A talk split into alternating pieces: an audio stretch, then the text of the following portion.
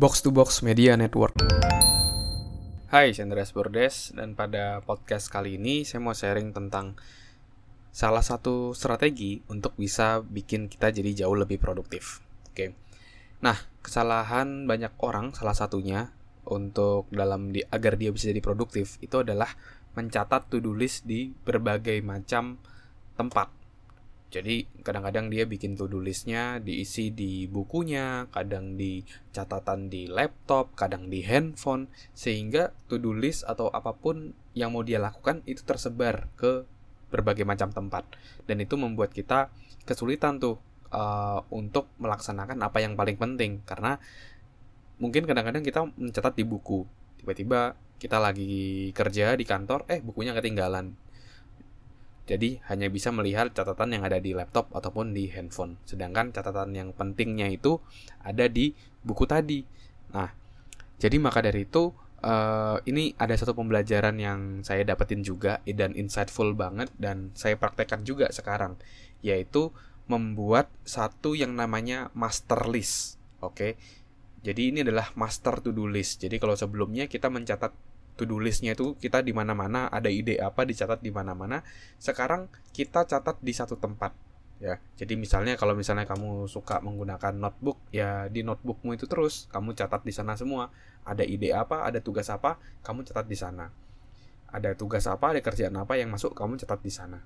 Lalu uh, ketika nanti kamu mau uh, membuat to-do list harian atau mingguan kamu akan melihat ke master list tadi jadi seluruh kegiatanmu ada di sana, tinggal kamu lihat mana sih yang paling penting, mana sih yang paling mendekatkan kita kepada target kita, mana sih. Nah, baru kita masukkan ke dalam weekly plan kita, masukkan ke dalam to-do list daily kita. Nah, tapi semuanya mengacu kepada master list tadi. Ini uh, saya pelajari dari satu buku namanya Five Choices, karya dari Cory Kogon.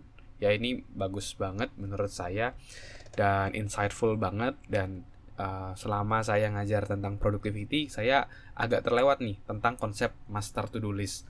Dan ketika saya coba cek di Google ternyata dari dulu sebenarnya banyak tuh orang yang sharing konsep ini tapi saya kelewat dan saya uh, merasa bersyukur ketika beli buku ini dan baca buku ini uh, akhirnya saya praktekin juga dan akhirnya jauh lebih produktif gitu dan semua jadi lebih tertata.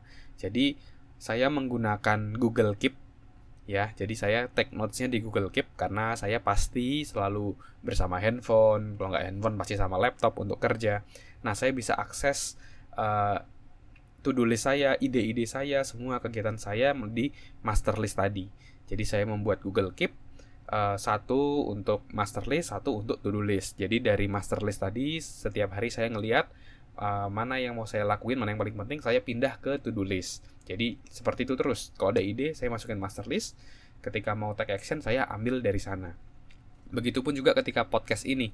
Uh, beberapa ide saya tulis di master list saya dan ketika saya mau recording, nah saya tinggal ngelihat apa ide saya di sana dan tinggal recording dan itu sangat-sangat membantu. Jadi apa pun idemu ataupun ada tugas dari keluarga atau dari bosmu, dari mana pun itu yang mau kamu lakuin, kamu tulis dulu semua di master list. Oke, okay? master list sangat membantumu untuk jadi jauh lebih produktif.